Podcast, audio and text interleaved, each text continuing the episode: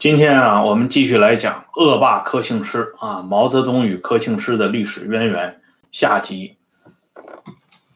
上一次呢，我们提到啊，毛泽东这个他的真实的文史水平的一瞥，但是呢，即便是这样啊，柯庆施呢，仍然在多个角度维护毛泽东啊，吹捧毛泽东。成为啊毛泽东身边啊须臾不可或离的这么一个政治拐棍儿。毛对柯庆施、李井泉和陶铸在二十世纪六十年代中前期那是相当眷顾的啊，尤其是对柯庆施相当重视，而柯庆施呢对毛的这种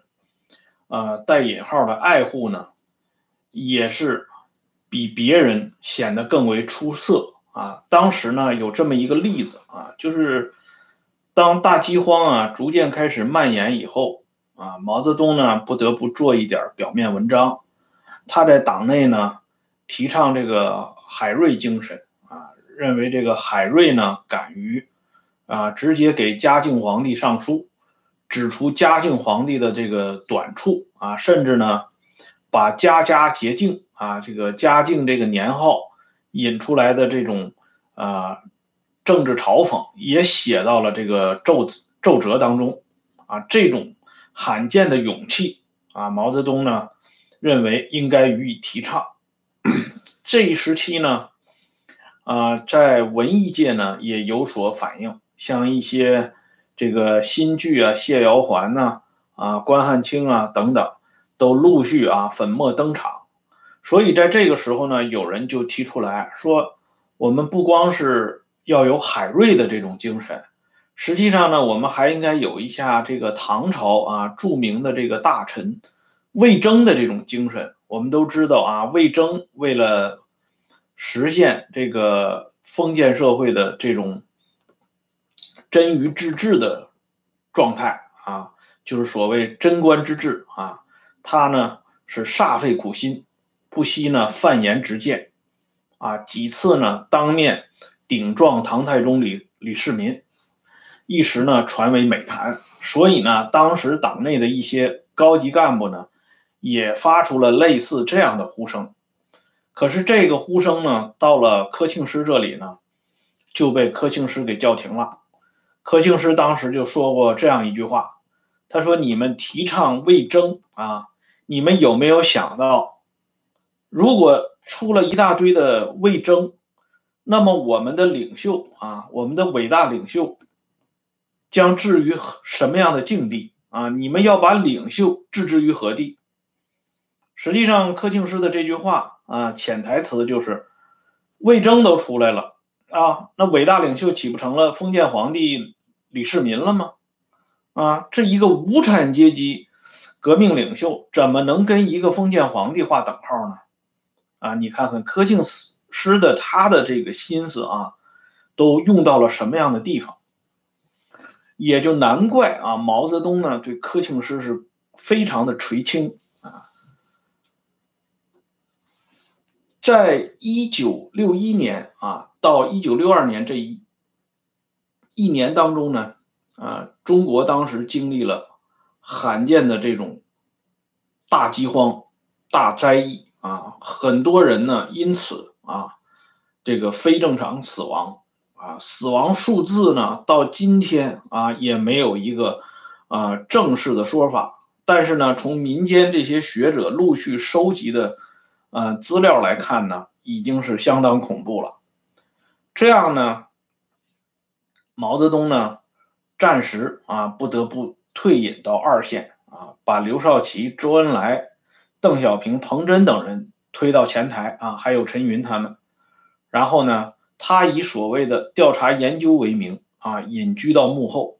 不过呢，毛啊，表面上是隐居到幕后了，但是他的心思呢，一时一刻都没有离开过前台啊。而在这个时候，柯庆施在忙什么呢？啊，要不怎么说柯庆施啊，他死后。被冠以的一个重要的头衔就说他是这个老大的好学生啊是这领袖的好学生，就是说他非常能够啊体会到老师的心情心境啊，甚至呢这个捕捉到老师啊下一个啊准备瞄准的目标是在哪里啊？这个时候柯庆师的主要精力是盯在文艺界啊，他突然呢啊这个鼻子呢。拱向了这个文艺界，对文艺界的一些动态呢，可以说是相当之敏感。这是发生在七千人大会之前啊，啊那个时候大家呢还是懵懵懂懂的那个状态。可是呢，人家柯庆施柯老已经走到了这个队伍的前列，得风气之先。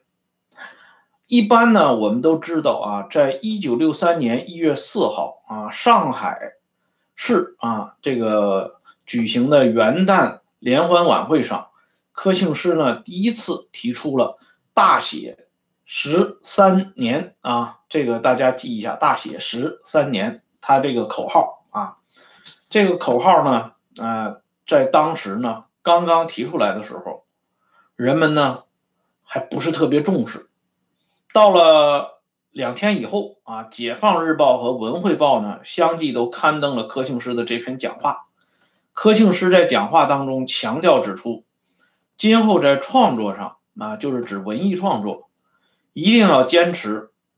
厚今薄古，着重提倡写解放后的这十三年的这个情况，要多写活人，不要写死人和古人啊，只有。以新中国十三年的现代生活为题材，才能算是宣传社会主义思想。啊，这个柯庆施把这个调门呢定的非常之高。但当时呢，人们怎么也没有想到啊，柯庆施提出的这么一个口号是大有来头的啊。这口号提出以后不久啊，江青到上海，他与柯庆施碰面以后。江青直接就旗帜鲜明的表示支持柯庆施。他说呢，我支持大写十三年啊，柯老，我们对文艺界的看法可以说是完全一致。我来到上海，感到非常亲切，非常满意。啊，用了两个非常，上海的气氛比北京好多了。我要把上海当成基地。啊，这是当时呢江青说的原话。江青实际上呢，啊，不是说一九六三年在提出大写十三年以后啊，才跟柯庆施搅到一起的，而是在这之前呢，他与柯庆施已经有了相当程度的来往。在这之前呢，江青就已经通过柯庆施啊，把上海作为啊观测文艺界动向的桥头堡。所以呢，康这个江青才提出他要把上海当成基地。这当成基地呢，不是随随便便说的啊，因为接下来呢，啊，江青在上海呢就放了一个卫星了啊，放一个什么卫星呢？就是一九六三年啊五月六号和七号，上海的《文汇报》。登了一篇文章，叫《有鬼无害论》。这个作者呢，啊，是大家完全不知道的这么一个呃名字，叫梁碧辉。啊，没有人知道这个叫梁碧辉的是干嘛的。这个文章呢，实际上就是在柯庆施的支持下，啊，江青呢炮制出来的一个炮轰北京市委啊，彭真、刘仁这些人的。一个潜在的啊小案件啊，名义上呢是谈这个李慧娘等这批鬼戏啊，当中有这个人化为鬼的这个呃描写啊，表面上是批这个所谓的鬼戏，实际上呢是把斗争的矛头呢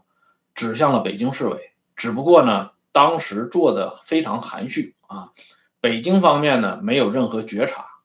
这个梁碧辉呢，实际上就是两笔挥啊，就是两笔一挥啊，这么一个谐音。江青呢发表了这篇文章，等于说是出了一口恶气，因为李慧娘这些啊剧上演以后呢，江青一直是不满意的啊。江青首先就感觉到啊，以像田汉呢这些人，是不是在利用啊这个这些所谓古代的这些戏剧来嘲讽当今啊？对大跃进以来出现的错误呢？啊，进行褒贬，江青的这个看法呢，甫一提出，例句和她的这个丈夫毛泽东的看法呢，啊，不谋而合，因为毛同样抱有这样的成见，所以呢，江青当时就一直想炮制这么几篇文章来专门炮轰这个鬼戏，可是呢，江青的这个主张呢，在北京呢，连续碰壁啊。不是说江青没有这个力量发表这个文章，而是江青这个文章呢，写的本身是含蓄，而且江青又不可能把他的来意呢完全说说清楚，因此呢，啊，像陆定一啊、周扬啊，啊这些人，一直以来都是毛在文化领域的这个得力的鹰犬和干将。可是呢，唯独在江青啊炮制这个炮轰鬼戏的这个文章上呢，鼻子显得不够灵敏。你像陆定一啊，他是在八届十中全会上被毛泽东提名啊，增选为中共中央书记处书记。八届十中全会上一共呃增选了三位书记处书记啊，一个是罗瑞卿，一个是康生，再一个就是陆定一。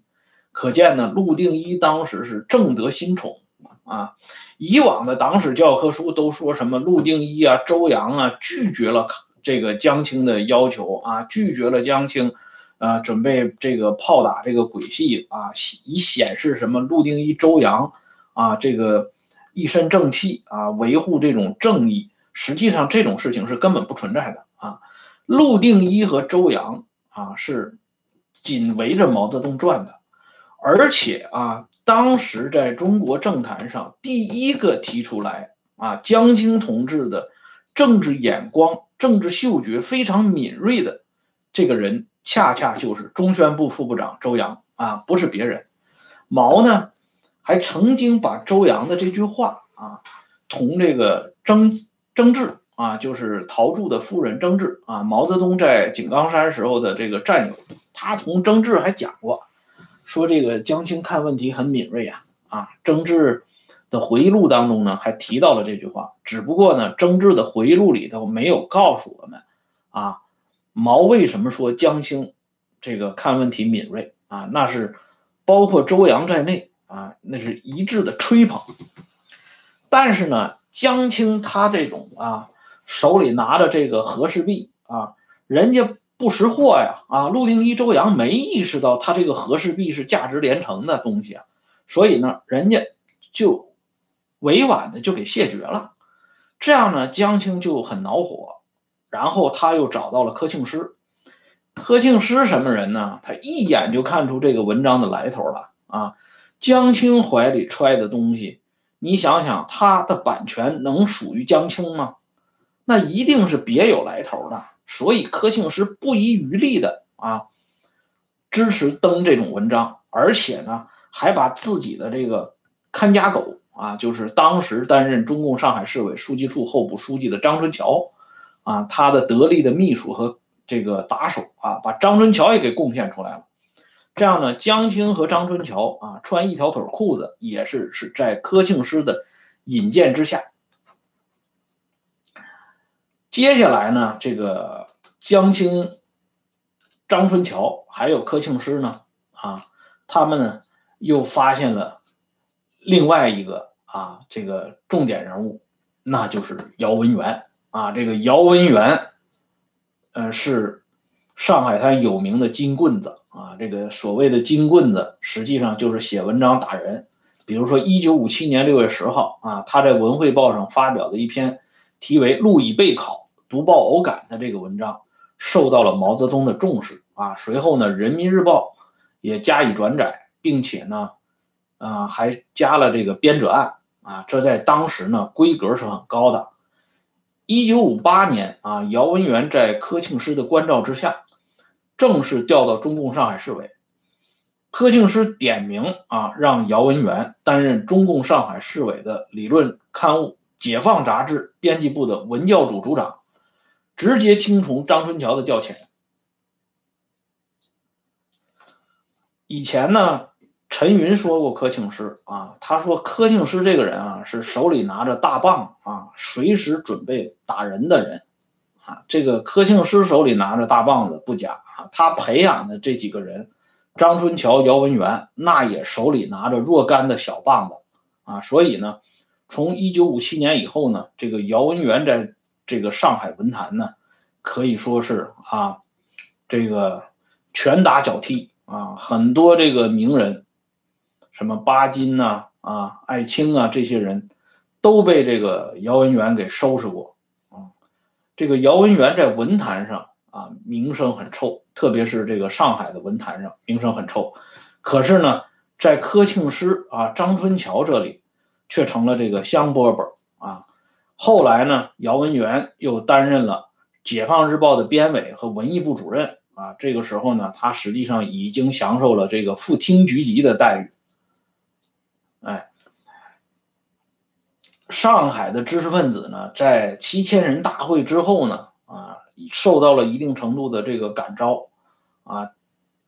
对这个姚文元啊提出了这个尖锐的批评，可是呢，都被柯庆施给挡了回去，啊，而且呢，这些人的批评呢，也被姚文元呢暗中都给记载下来，啊，在日后的这个文革发动以后，啊，姚呢。啊，把这小本子都拿出来了，对当年准备对他进行批评的这些人呢，都一一予以清算。啊，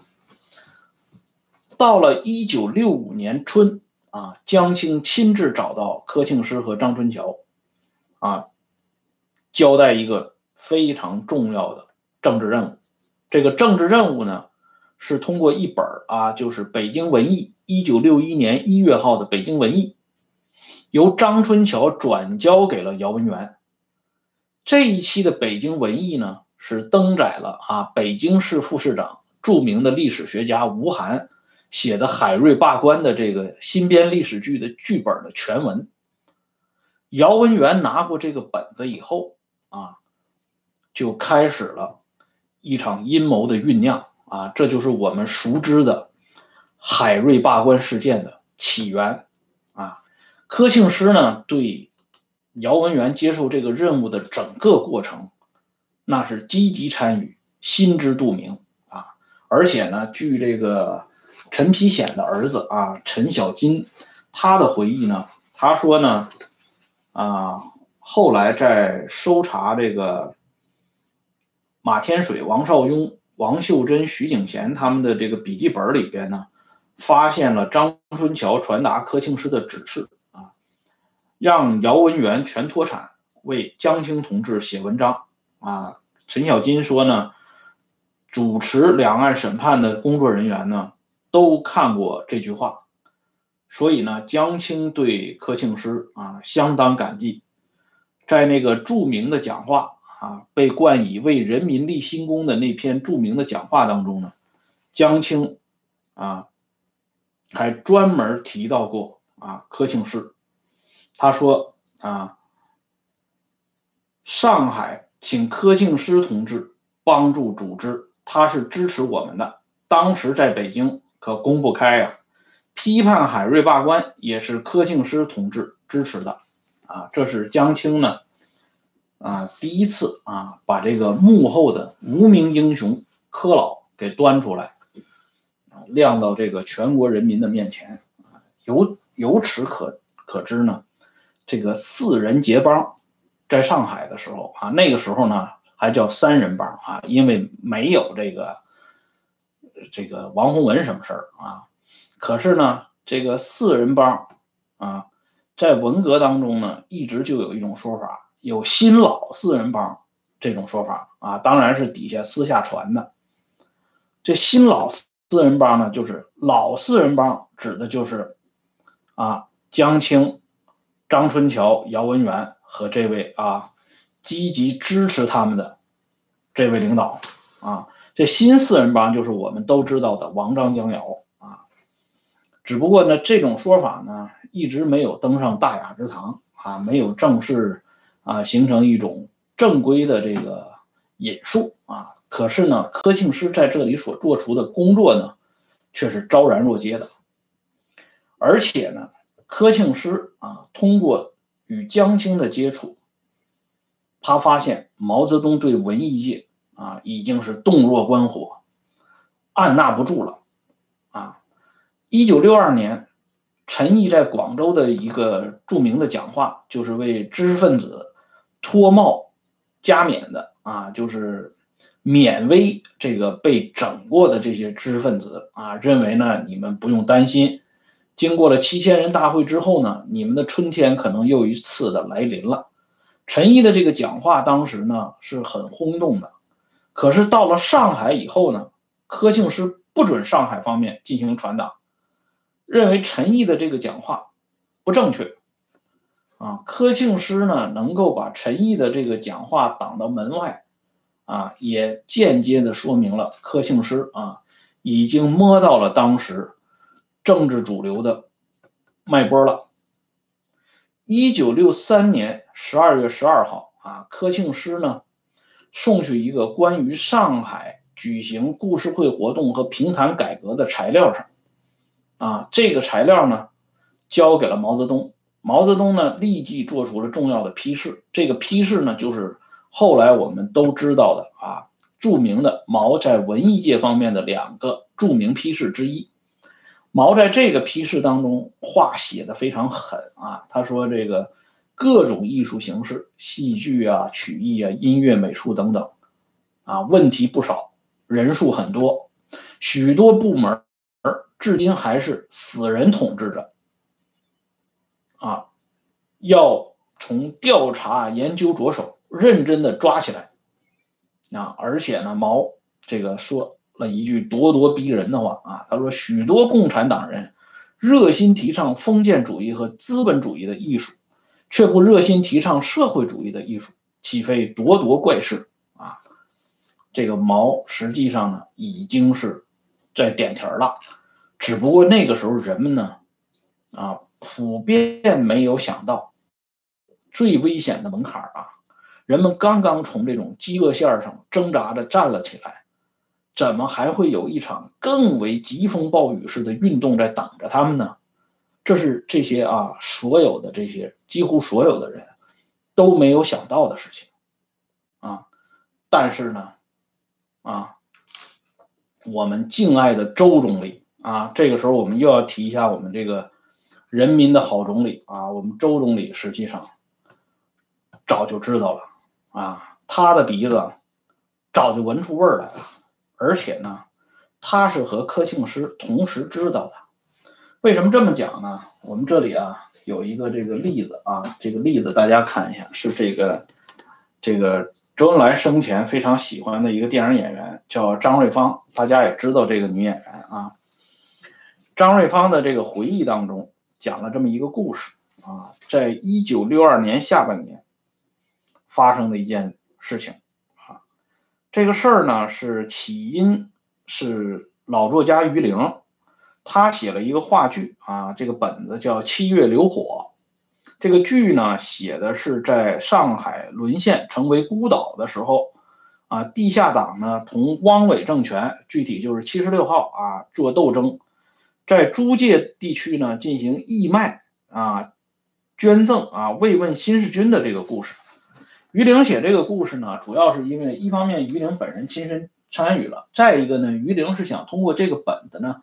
纪念他昔日的战友，就是当时著名的那一个上海滩的女烈士，叫毛丽英啊。毛丽英就是在这个募捐活动当中被这个汪伪特务给暗杀的啊，这么一个这个女战士啊。她主要是想为了纪念毛丽英啊，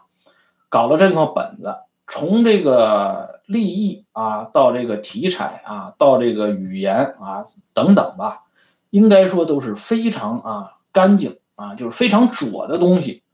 于玲自认为啊，可以说是这个无可挑剔所以呢，他就请张瑞芳来担任主角。张瑞芳对这个剧呢也相当感兴趣啊，所以呢，他就准备啊参与这个《七月流火》。到了六二年年底的时候，啊，周恩来呢当时正好陪这个斯里兰卡的这个总理啊班达拉奈克啊这老太太呢到上海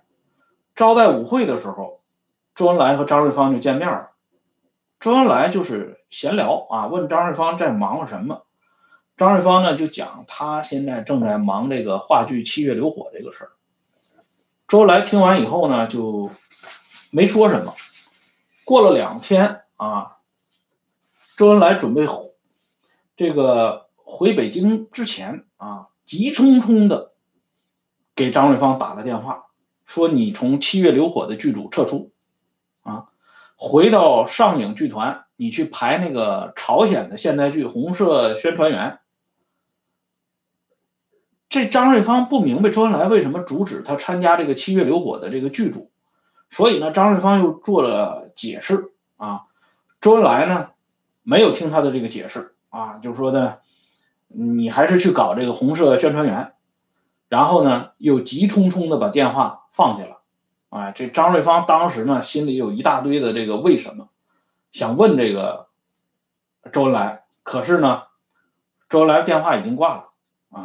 而且呢，他也不好这个直接去给周恩来打电话。接下来呢，他呢，在稍后的一段日子里啊，接到了一个。特殊的重要的电话啊，说你马上啊，这个去柯老家去，因为这个市委办公厅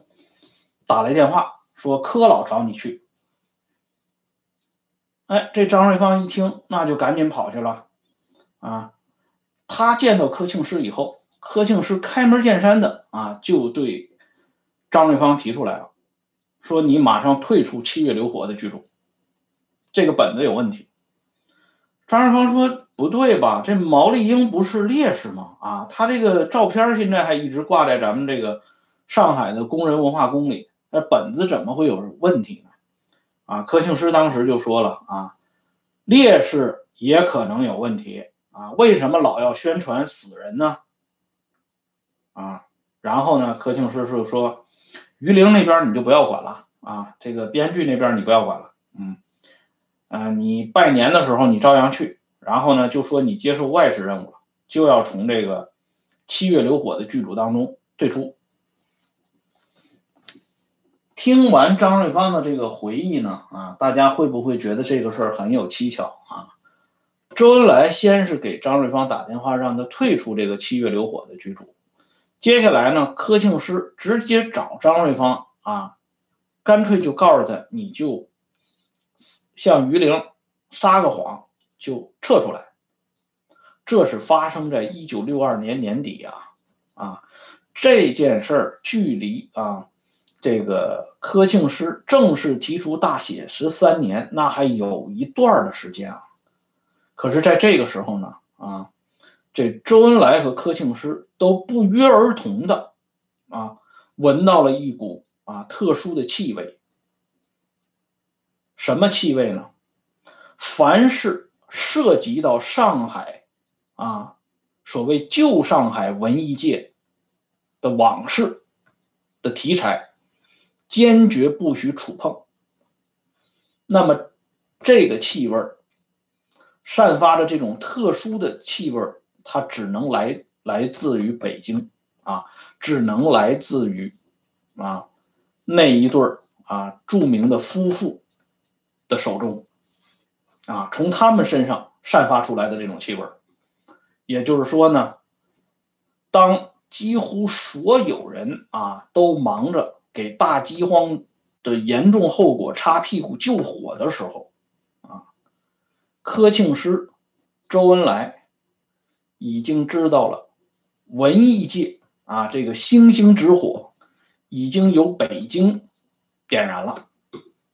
这个七月流火呀，这个剧呢，后来在八十年代终于被拍成电影啊，搬上银幕。这个现在在 YouTube 上，咱们就能看到这个电影是由宫雪啊等一批当时上海挺有名气的演员演的啊。大家有空的时候可以看一看。从这个例子当中呢，我们就可以看到啊，不光是柯庆施，周恩来实际上啊，在这场文艺界的啊绞杀过程当中呢，也扮演了一个啊忽明忽暗的角色，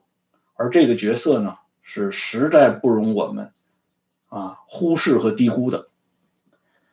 在文化大革命结束以后呢，有过一个小说家啊，他的笔名叫文放啊，他曾经写过一个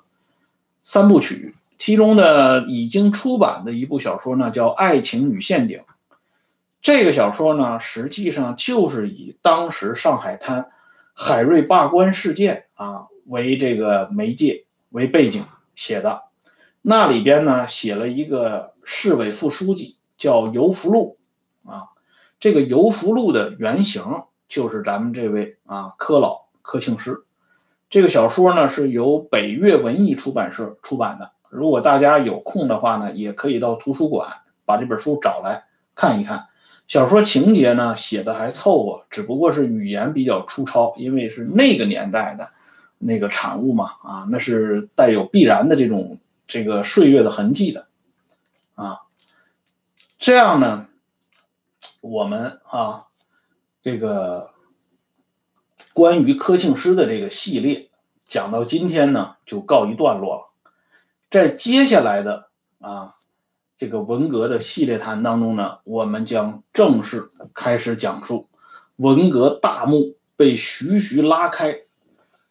啊，那么一一幕又一幕惊人的场景不断的啊。出现在大家的面前，可以说是目不暇接啊，这个魂不守舍啊，哎，比如说，一九六五年啊四月二十九号，毛泽东呢离开武昌前往长沙，在他啊行进的途中呢，突然接到上海方面来的一封急电，嗯，这封急电呢。是关系到毛泽东啊这个文革阵营当中另一员干将的这个命运的急电，而这个人呢，就是我们后边要提到的啊，一度是准备啊被毛安排出任总参谋长的人选的空军司令员刘亚楼。刘亚楼出事了，电报送到了毛泽东手里。刘亚楼出什么事了呢？啊，刘亚楼死前啊，又给毛泽东林彪留下了一个什么样的谜团呢？啊，这都是我们文革是这个系列呢即将拉开大幕的第一个话题啊。今天呢，节目就做到这里，下次我们再聊。啊，再见。